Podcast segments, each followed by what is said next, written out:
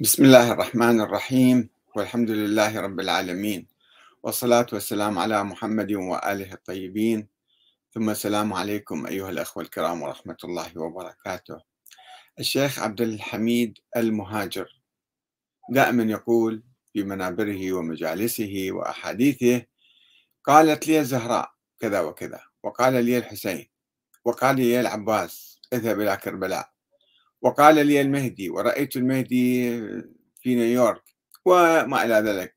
دائما يكرر هذه العبارات. وهذه طبعا كلها بالأحلام كما تعرفون لا هو شاف العباس ولا الحسين ولا فاطمة الزهراء. إنما هو يعتمد بصورة رئيسية على الأحلام. ومع ذلك هو آه، يصف نفسه في موقعه أو هكذا يوصف الله أعلم هو راضي لا مو راضي ما أدري. هو خطيب من كما يقول من سبعين سنة هو عمره ما أدري خمسة وسبعين ثمانين سنة الآن. هو معروف خطيب حسيني. خطيب حسيني يعني يعتمد على القضايا التاريخية فقط ويمكن بعض التفاسير وما شابه.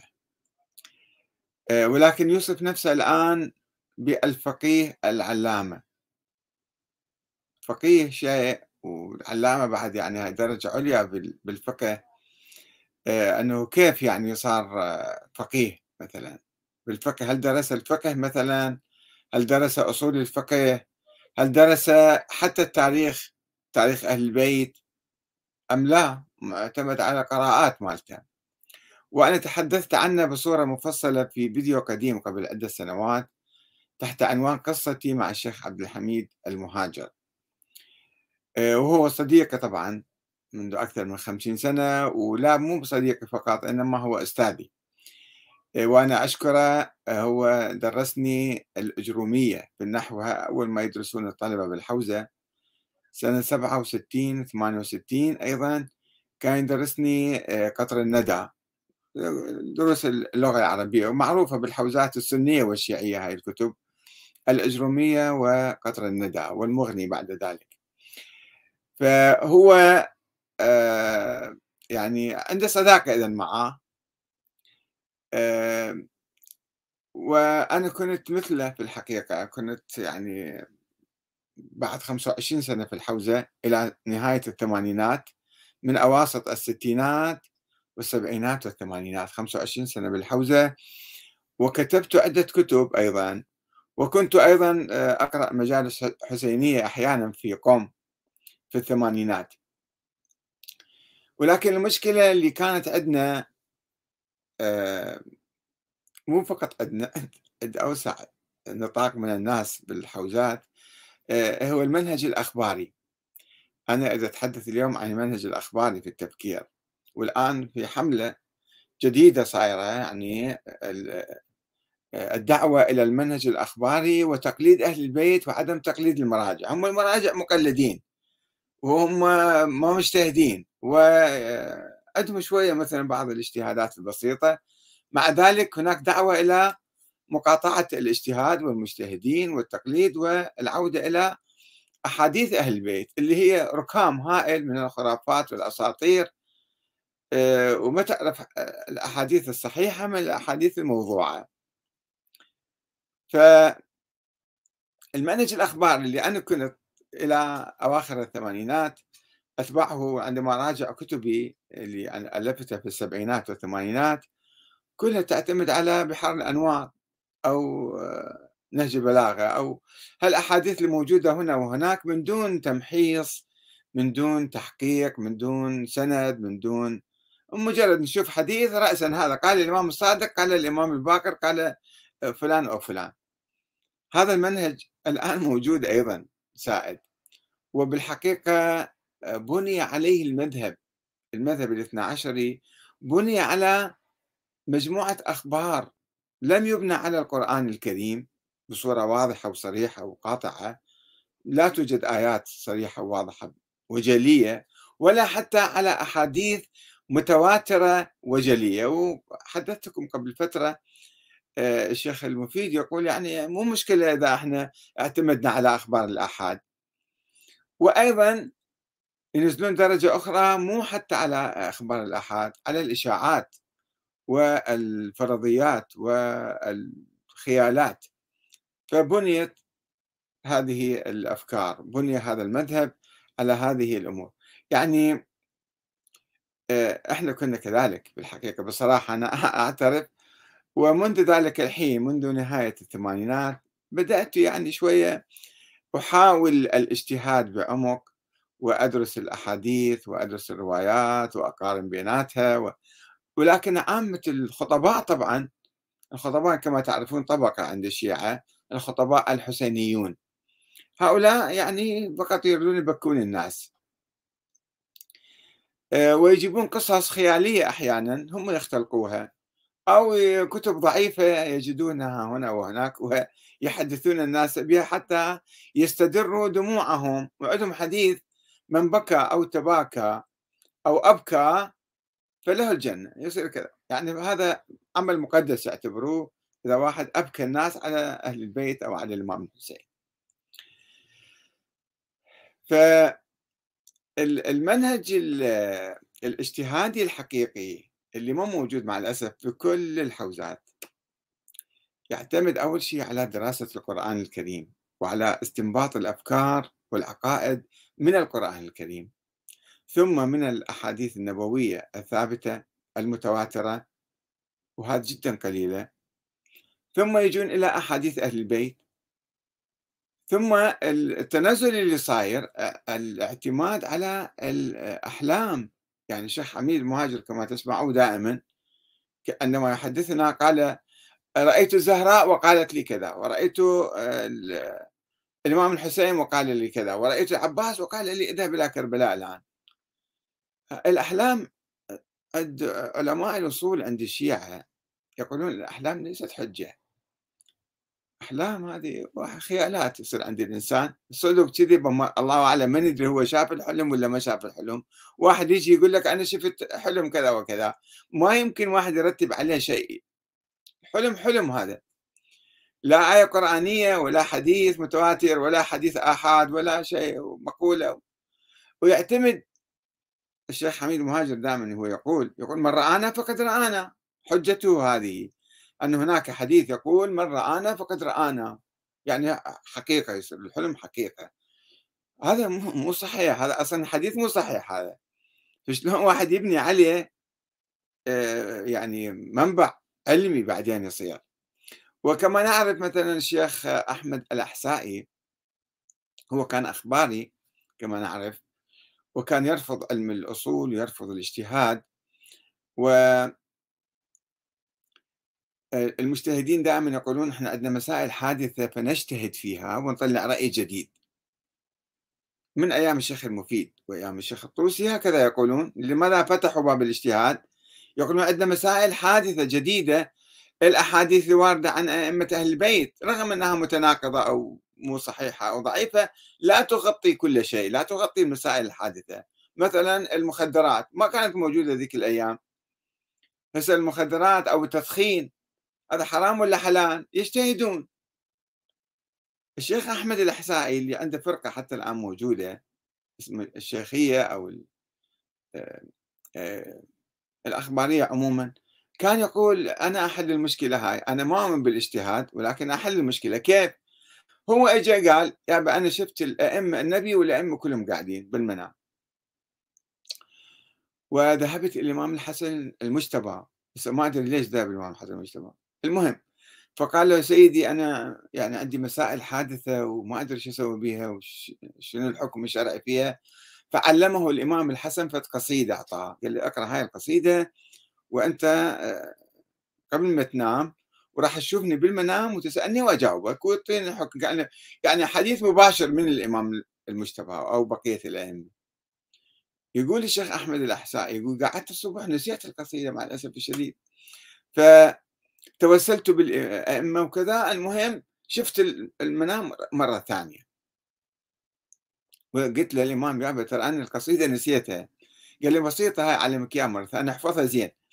فحفظ القصيدة. الماء الآن كل ما يريد بالمسألة أو حكم شرعي أو شيء يدق رقم التليفون يعني القصيدة هذه ويطلع له الإمام الحسن ويجاوبه ويأخذ الجواب ويعطيه لأصحابه. هذا مو منطق علمي منطق يعني غوغائي بالحقيقة منطق جهل وتدجيل مو فقط مو فقط جهل دجل يصير هذا. لأنه كل واحد يقول أنا شفت الإمام الفلاني وقال لي كذا ما تنتهي القصة. إذا كل يوم واحد يجي يقول أنا شفت الإمام وقال لي كذا وكذا هذا نخرج عن المنطق العقلي والمنطق الحضاري والمنطق الإسلامي. إحنا لازم نعتمد في تفكيرنا وفي منطقنا على القرآن الكريم وعلى أحاديث النبي وعلى العقل. بالعقل نفكر الأمور. طيب آه، أعود إلى قصتي الأولى آه، قصتي مع الشيخ عبد الحميد. آه، أنا كنت طبعا بالحوزة موجود و هل يعني الأحاديث نصدق بها أو ماخذية تقليد أصلا ما مفكرين فيها. مثل موضوع الإمام المهدي أنه موجود أو غير موجود صدقوني أنا إلى سنة 89 لم أكن أسمع لم أكن قد سمعت أنه هذا الإمام مثلا مشكوك في ولادته أو أنه آه، مولود ولا ما مولود وكذا أصلا. لم أقرأ هذه الكتب لم أقرأ هذا التاريخ. رغم أني أعد نفسي حتى ذلك التاريخ أستاذ بالحوزة وأدرس فقه وأصول ولغة عربية وكاتب 10 15 كتاب حتى ذلك التاريخ ولكن لم أقرأ هذا الموضوع ولم أسمع به ولم أفكر فيه ولم أشكك طبعا. عندي حقيقة مطلقة أيام 12 وهذا الإمام الثاني موجود وأحيانا ربما كنت أيضا يعني يعني أأمل أن ينصرنا أو يظهر فنكون جنوده إحنا إن شاء الله.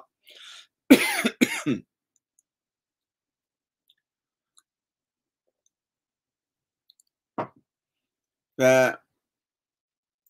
كنت أبحث في ولاية الفقيه سنة 88 89 90 بدأت أبحث في ولاية الفقيه قصة طويلة يعني بعد كلام الإمام الخميني سنة 88 بالولاية المطلقة طرح الولاية المطلقة أنها فوق الشعب وفوق الدستور وفوق أي اتفاقية شرعية يعقدها مع الأمة. فله الحق أن يلغيها من طرف واحد. إذا رأى بعد ذلك أنها آه، أنه يعني آه، هاي الاتفاقية مو في صالح الإسلام أو مو في صالح البلاد هو الولي الفقيه رأى ذلك. فهذه الفقرة استوقفتني كثيرا ودفعتني لمزيد من التعمق والاجتهاد في موضوع ولاية الفقيه. درست ولاية الفقيه سنة كاملة في الحوزة حوزة القائم. آه ثم بدأت أقرأ أيام يعني تاريخ نظرية ولاية الفقيه الغيبة الكبرى وثم الغيبة الصغرى. عندما بدأت أقرأ في الغيبة الصغرى أول كتاب قرأته كتاب الشيخ الطوسي الغيبة الطوسي فاجأني ببعض المعلومات. لأول مرة يتحدث حول آه، أن هناك شكوك وآراء متعددة وفرق متعددة ووقوع الحيرة بعد وفاة الحسن العسكري وكذا. فقرأت مزيدا من الكتب قرأت الغيبة للنعماني ولم أكن قد قرأت هذه الكتب سابقا. ثم قرأت آه، إكمال الدين وإتمام النعمة للشيخ الصدوق. وكتب الشيخ المفيد وكتب السيد المرتضى وكتب الآخرين اللي كتبوا آه، الكراجكي وغيره وغيره وبدأت أقرأ حتى الكتب المعاصرة السيد محمد الصدر ومحمد باقر الصدر والكتب آه، المألفية حول هذا الموضوع. فوصلت إلى نتيجة كما قال السيد المرتضى أن هذه فرضية يجب أن نفترضها. الإمام الثاني. عشر ما عندنا دليل تاريخي على ولادته بالعكس الأدلة مضادة. الأدلة الشرعية تنفي ذلك. يعني هو الإمام الحسن العسكري قال أنا ما عندي أولاد. وأموالي تروح إلى أمي هي تصرف بيهن. وأهل بيت الإمام الحسن العسكري كلهم ما يعرفون. لا أمه لا أخواته لا أخوانه لا شيء. زين. إذا كيف إحنا نقول عنده ولد؟ غصبا عنه يعني ما يصير خب شرعا ما يجوز. إيه يقولون لأنه إذا سيد مرتضى هكذا يقول يقول إذا لم نقل بأنه عنده ولد وهو إمام من بعده وتستمر الإمامة فيه أو في ذريته نظرية الإمامة تنهار. يعني لا يعني ما عندنا مفر. ونظرية الإمامة إحنا متمسكين بها بقوة ما يصير نعيدها. فيجب أن نغمض أعيننا ونفترض وجود ولد للإمام العسكري. نفترض. مو معقول إمام نفترضه؟ ما عندنا أدلة على وجوده إحنا نقوم نفترض فد إمام. راجعت نظرية الإمامة كلها بدأت أدرسها من جديد وأنا كنت متخصص تقريبا في نظرية الإمامة وكنت ذهبت قبل سنتين سنة 86 يعني إلى السودان وأسست حركة شيعية بالسودان وجئت ببعض الطلبة السودانيين إلى حوزتنا في القائم في شرق طهران. يدرسون هناك في نفس الوقت اللي أنا دا أبحث. فراجعت نظرية الإمامة من جديد درستها فقرة فقرة ويعني نقطة نقطة فرأيت أن هاي النظرية أيضا منسوبة لأئمة أهل البيت سرا. هم علنا كانوا ينفوها كل تاريخهم كل أقوالهم كل مواقفهم تنفي هاي النظرية. ولكن هناك من المتكلمين ومن الغلاة من كان ينسب أشياء كثيرة لأئمة أهل البيت. حتى كان بعضهم يقول الأئمة ذولا آه، أنبياء ينزل عليهم وحي. أو ذولا فوق الأنبياء. أو ذولا فوق أصلا آه، أبناء الله تعالى. الله خلقهم هم خلقوا الكون. يرزقون ويحيون ويميتون وكل شيء هم. أو هم الله أصلا هو حل الله بهم. هكذا كان يقول الغلاة الخطابية. في زمن الإمام الصادق والمفضلية جماعة مفضل بن عمر المفوضة نفس الشيء كانوا يقولون شوي نزلونا عن الألوهية وقولوا فينا ما شئتم. ودرجات آه، يعني هو الغلو درجات إلى أن يوصلون أنه لا هذول أئمة معصومين الله معينهم. وهذا الثاني عشر لازم نفترض وجوده وإلا تخرب نظريتنا. أنا تفاجأت بالكلام وكنت أبحث وأناقش بل أثناء سنة 90 الشيخ حميد المهاجر كان في الكويت أثناء احتلال صدام للكويت وصدام سمح للكويتيين ومن في الكويت بالخروج من الكويت. وخرجوا خرجت فرد قافلة مئة ألف واحد من الكويت إلى إيران. وأجى الشيخ حميد المهاجر عبر بدون تفتيش بدون شيء يعني آه، ربما كان هو مطلوب في العراق أيضا. وبالمناسبة هو اعتقل سنة 72 بدون أي ذنب. ناظم قزار شن حملة على التيار آه، الشيرازي في كربلاء واعتقل مجموعة من الخطباء والمثقفين حوالي 20 واحد. ومنهم الشيخ حميد وتعذب كثير.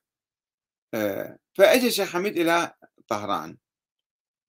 فأنا كنت باحث الموضوع ودارس الموضوع الآن ويعني على أعصابي أيضا كنت.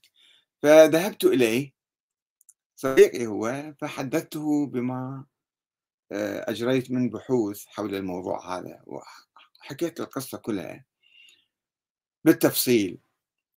هو استمع لي مندهشا أيضا استمع لي جيدا وآخر شيء قال أنت هذا يعني الكلام اللي تقوله كله إحنا سامعيه وقاريه بس شلون قاعد تركب المواضيع؟ شلون قاعد تستنتج منها أنه هذا المهدي ما موجود؟ محمد بن حسن عسكري فرضية فلسفية مو حقيقة تاريخية.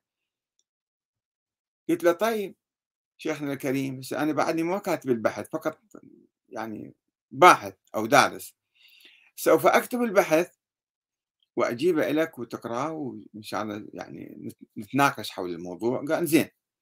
كما قلت لي عدد من الأخوة الآخرين سيد محمد الشيرازي سيد محمد تقي المدرسي الآخرين الذين التقيتهم هناك في طهران وسافرت إلى أو إلى لندن سنة 91 ثم استمريت بالبحث 91 92 كملت البحث وكتبته كمسودة أولى. الشيخ حميد المهاجر اجى إلى لندن عنده مجالس في التسعينات. فذهبت إليه وقلت له يعني عندي هذا الكتاب موجود أرجو أن أن تقرأ الكتاب تطلع عليه وتشوف وتعطيني رأيك إنه هذا بحثي صحيح لو مو صحيح في ثغرة معينة مثلا آه، في عندك أدلة أخرى إضافية تعطيني إياها؟ فقال لي يعني هو رفض استلام الكتاب. واحد جايب لك بحث اقراه ما راح تخسر شيء لا. قال ما أقرأ كتاب. ليش ما تقرأ؟ قال أنت مجنون. قلت أنا مجنون لو عاقل بس أخذ الكتاب أقرأه. كما قال لي شيخ آخر من أساتذتي أيضا هم التقيته سنة 95 في مكة.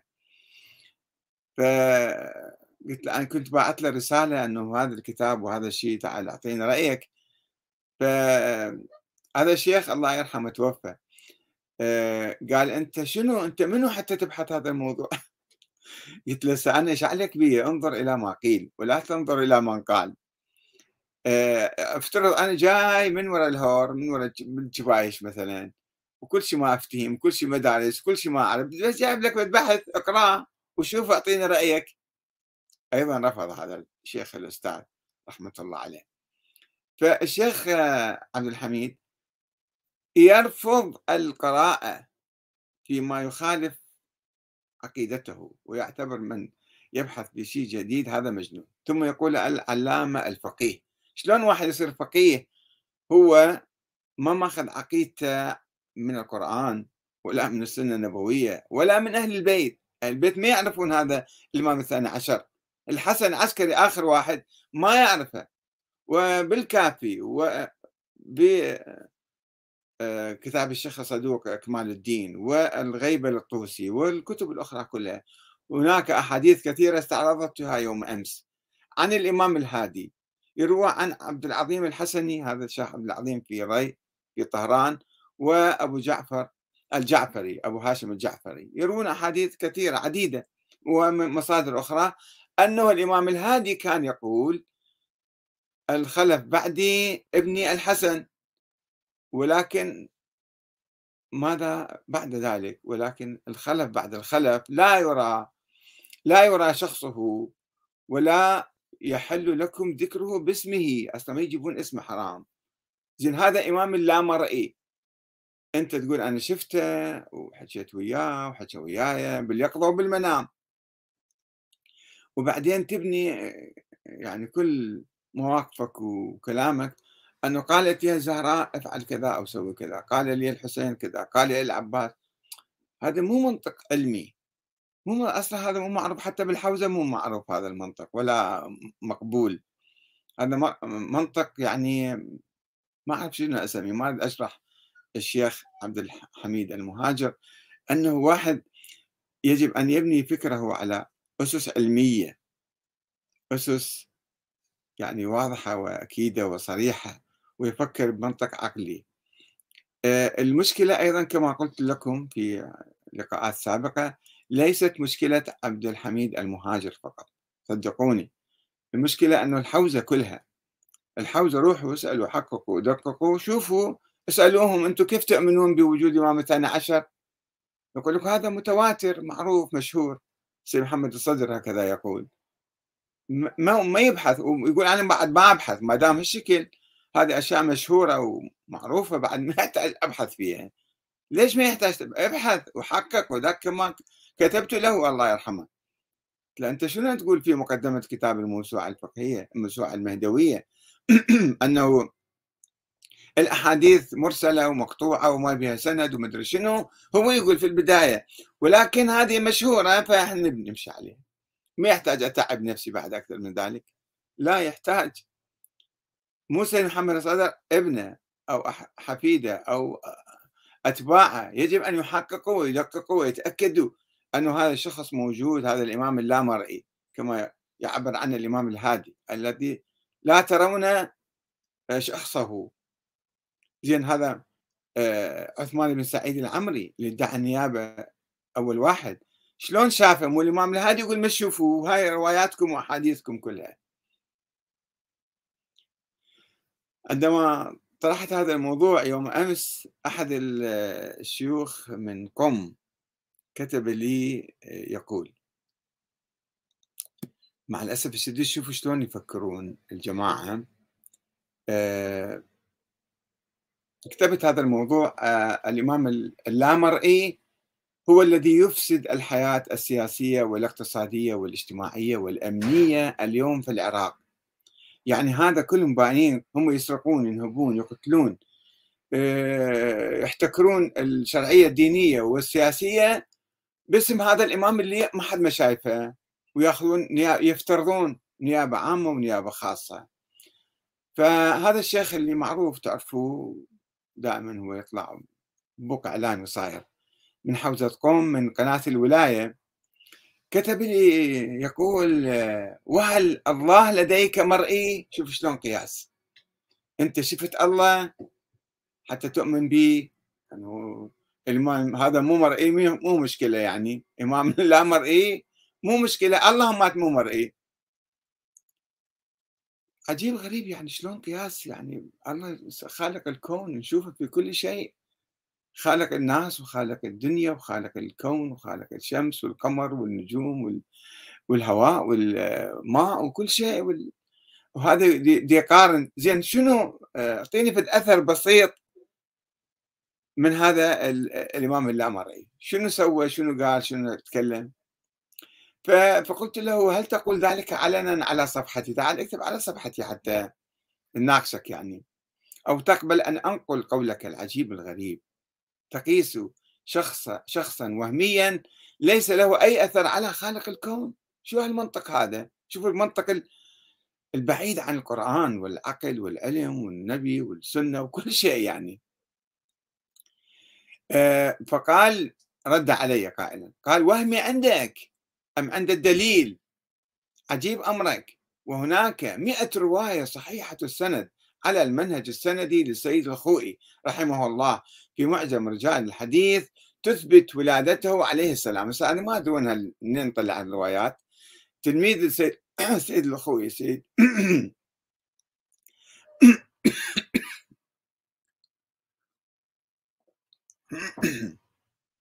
السيد كمال الحيدري حفظه الله وفرج عنه. قال بحثت على منهج السيد الخوئي فلم أجد ولا رواية صحيحة. هذا يقول لا أكو 100 رواية صحيحة. أولا منهج السيد الخوئي مو حجة. يعني يعني مو إذا قال هاي رواية صحيحة يعني صار صارت صحيحة. لا هو أيضا مخطئ يخطئ في كثير من الروايات وفي كثير من الرجال اللي يقيمهم. يقول هذا ثقة مفضل ابن عمر عنده ثقة مثلا. هذا ثقة ويأخذ من عنده أفكار ولكن هذا مو ذكر معروف. هذا إنسان مغالي ومفوض وملعون من من قبل الإمام الصادق. فاولا سيد الخوي مو حجه ثم ما عنده شيء 100 روايه ثم موضوع إثبات وجود ولد في التاريخ أو إنسان في التاريخ لا يقوم على المنهج الروائي. المنهج الروائي أصلا هذا خاطئ من أساسه. أنه والله قال فلان قال فلان قال فلان. هذا مو كلام. جيب لي أدلة على وجود هذا الإنسان. مثل ما تجيب لي أدلة متواترة قطعية على آه، الحسن العسكري. أكو أحد بالعالم يشك أن شخص اسمه الحسن العسكري ولد في فلان سنة في المدينة وانتقل مع أبيه إلى مثلا سامراء وتوفي في فلان سنة وقبره في فلان مكان. هل يوجد أحد في العالم سواء كان مسلم مسيحي يهودي صابئي هندوسي ملحد شيوعي أي شيء كان أكو واحد يشك بوجود الحسن العسكري؟ لا أحد يشك. لماذا؟ لأنه هذا يسموه شخصية تاريخية حقيقية. أو علي الهادي أو محمد الجواد أو علي رضا أو موسى الكاظم. ذول كلهم شخصيات حقيقية الخلفاء العباسيون كذلك لا أحد يشك بوجودهم. وكذلك كل الزعماء في العالم والشخصيات التاريخية المتواترة. فما يمكن إحنا آه، نجيب أدلة روائية. والله ما هو الدليل على وجود الحسن العسكري؟ أجيب لك 100 رواية صحيحة السند على منهج السيد الخوئي أنه الحسن العسكري كان موجود. هذا مو منطق. هذا مرفوض. أصلا ما نستخدم هالأسلوب إحنا. ما حد ما يجيب روايات آه، على صحة وجود فلان. هذا مقطوع منه هذا يسموه التواتر. تواتر عن القطع. القطع أنت تقطع 100% هذا الشخص موجود. ما تشك فيه أصلا. ولكن لما تجي إلى محمد بن الحسن العسكري اللي ما حد ما شافه أبوه قال ما عندي ولد أهل البيت قالوا ما موجود. و1200 سنة ما ظاهر له أي أثر من ذلك التاريخ إلى الآن. تقول لي أنا جايب 100 رواية صحيحة السند. أنت مصححها. السخوي مصححها نفترض. نفترض هو ما مصححها يعني. ما يمكن تستخدم المنهج الروائي في إثبات قضية تاريخية. شوف شلون خلل في العقل مال الحوزة. وأيضا يستخدمون أو استخدموا منذ أول يوم قبل ألف سنة المنهج العقلي.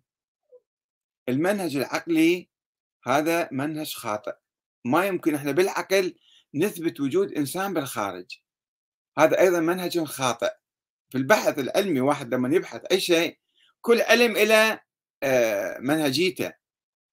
إذا تبحث حكم شرعي رواية معينة مثلا تقول قال فلان قال فلان تجيب تبحث السند وتبحث الروايات. هذه في الأحكام مو في الأشخاص. الأشخاص نحتاج إلى منهج تاريخي. منهج تاريخي حتى يثبت هذا الإنسان موجود ولا مو موجود. لا منهج عقلي هذا خاطئ ولا منهج روائي. صاحب قناة الولاية الآن في قوم هو الشيخ ناصر مكارم الشيرازي اللي هذا الشيخ يعمل وياه يطلع دائما بالقناة مالته. هذا الشيخ عنده كتاب على الإمام المهدي راجعوه. أنا دائما أشير إليه وكتبته حتى في كتابي آه، أشرت إليه. هذا الشيخ يقول يقول المنهج العقلي مرفوض. هو يرفضه. إذا هو يراجع إذا ناسي هذا الشيخ ناصر مكارم شيرازي بإمكانه هو يراجع كتبه القديمة حتى يفتهم يقول شلون إحنا نثبت وجود الإمام المهدي بالمنهج العقلي؟ وهذا مو صحيح. لأن المنهج العقلي يثبت الكليات العقلية. قضايا فكرية مثلا آه، قضية صحيحة ولا خاطئة فكره معينة. ما يثبت ولكن لا نستطيع هذا كلامه نص كلامه. الشيخ ناصر مكارم الشيرازي خلي يسمعني هذا الشيخ اللي هو مصدي للكلام الآن باللغة العربية في قناة الولاية. الشيخ ناصر, ناصر مكارم الشيرازي وهو أحد مراجع قوم الكبار الآن. يقول لا نستطيع أن نضع إصبعنا على إنسان في الخارج. بالعقل. هذا مو منطق هذا مو منهج صحيح. وكلامه جدا صحيح.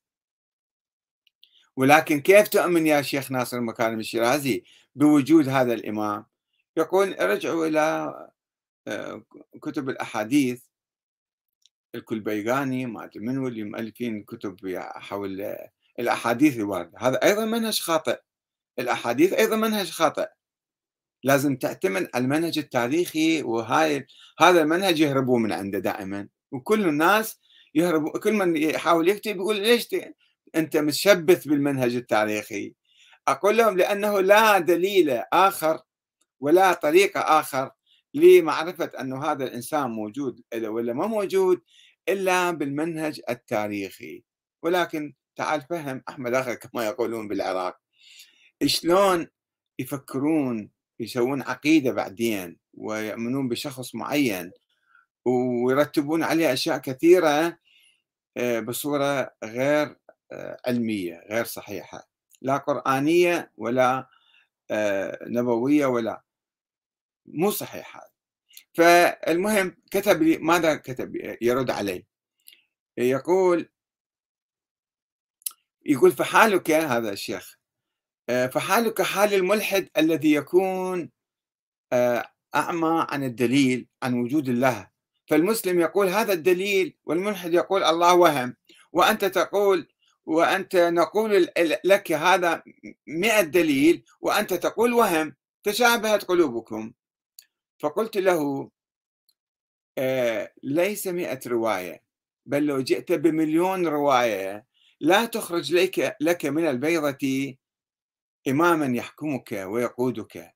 والواقع عبر 1200 سنة يكذبك. ولا يمكن الاعتماد على تصحيح دائما هو يثبت بهالكلمة. أنه أحاديث صحيحة عندنا 100 رواية 80 رواية مرة قال في حوار معه قال عندنا 80 رواية مرة سواها 100 رواية. آه يقول آه آه، شوف شلون يعني شلون كلام. يقول عندنا روايات. فقلت له لا يمكنك الاعتماد على تصحيح الاثنى عشرية. صحيحة بيا منطق. منطقك أنت ما يصير لازم تخرج من برا وتنظر لها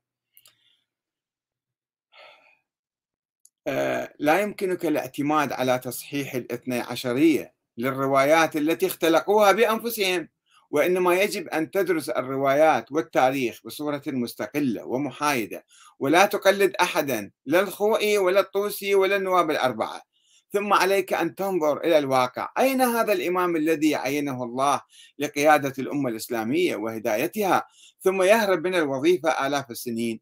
ألا تدرك هذا التناقض الذي يدركه طفل في الخامسة من عمره؟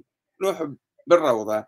قولوا للأطفال ذولا أنه عندنا معلمة بالروضة اليوم. معلمة نايمة بالبيت ما تجي تدرس. هل يسموها هاي معلمة عندهم؟ طلاب هاي مو معلمة هذه ما دام ما اجتي للصف ودرستنا وعلمتنا فهذه ليست معلمة. فالإمام الذي يغيب ليس إماما ولا يمكن أن يعينه الله. الطفل الصغير يدرك ولكن هؤلاء المشايخ الذين رانت على عقولهم وقلوبهم هذه الخرافات والأساطير يرفضون ولا يستطيعون إدراك التناقض في أقوالهم. على حال الحديث طويل وإذا يعني شوفوا شلون طريقة الجدل مالتهم هذه.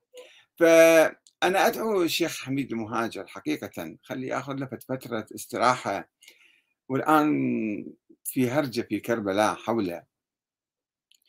خلي يأخذ فترة استراحة ويفكر ويعيد النظر بكل هال يعني مو مشكلة واحد آخر عمره يقول أنا مثلا كل أفكاري كانت خاطئة وأنا كنت يعني مشتبه و طريقة تفكيري مو صحيحة مو علمية والآن أبدأ أصير فقيه. أجتهد بعقيدتي أول شيء. يجتهد الإنسان بعقيدته مو مشكلة.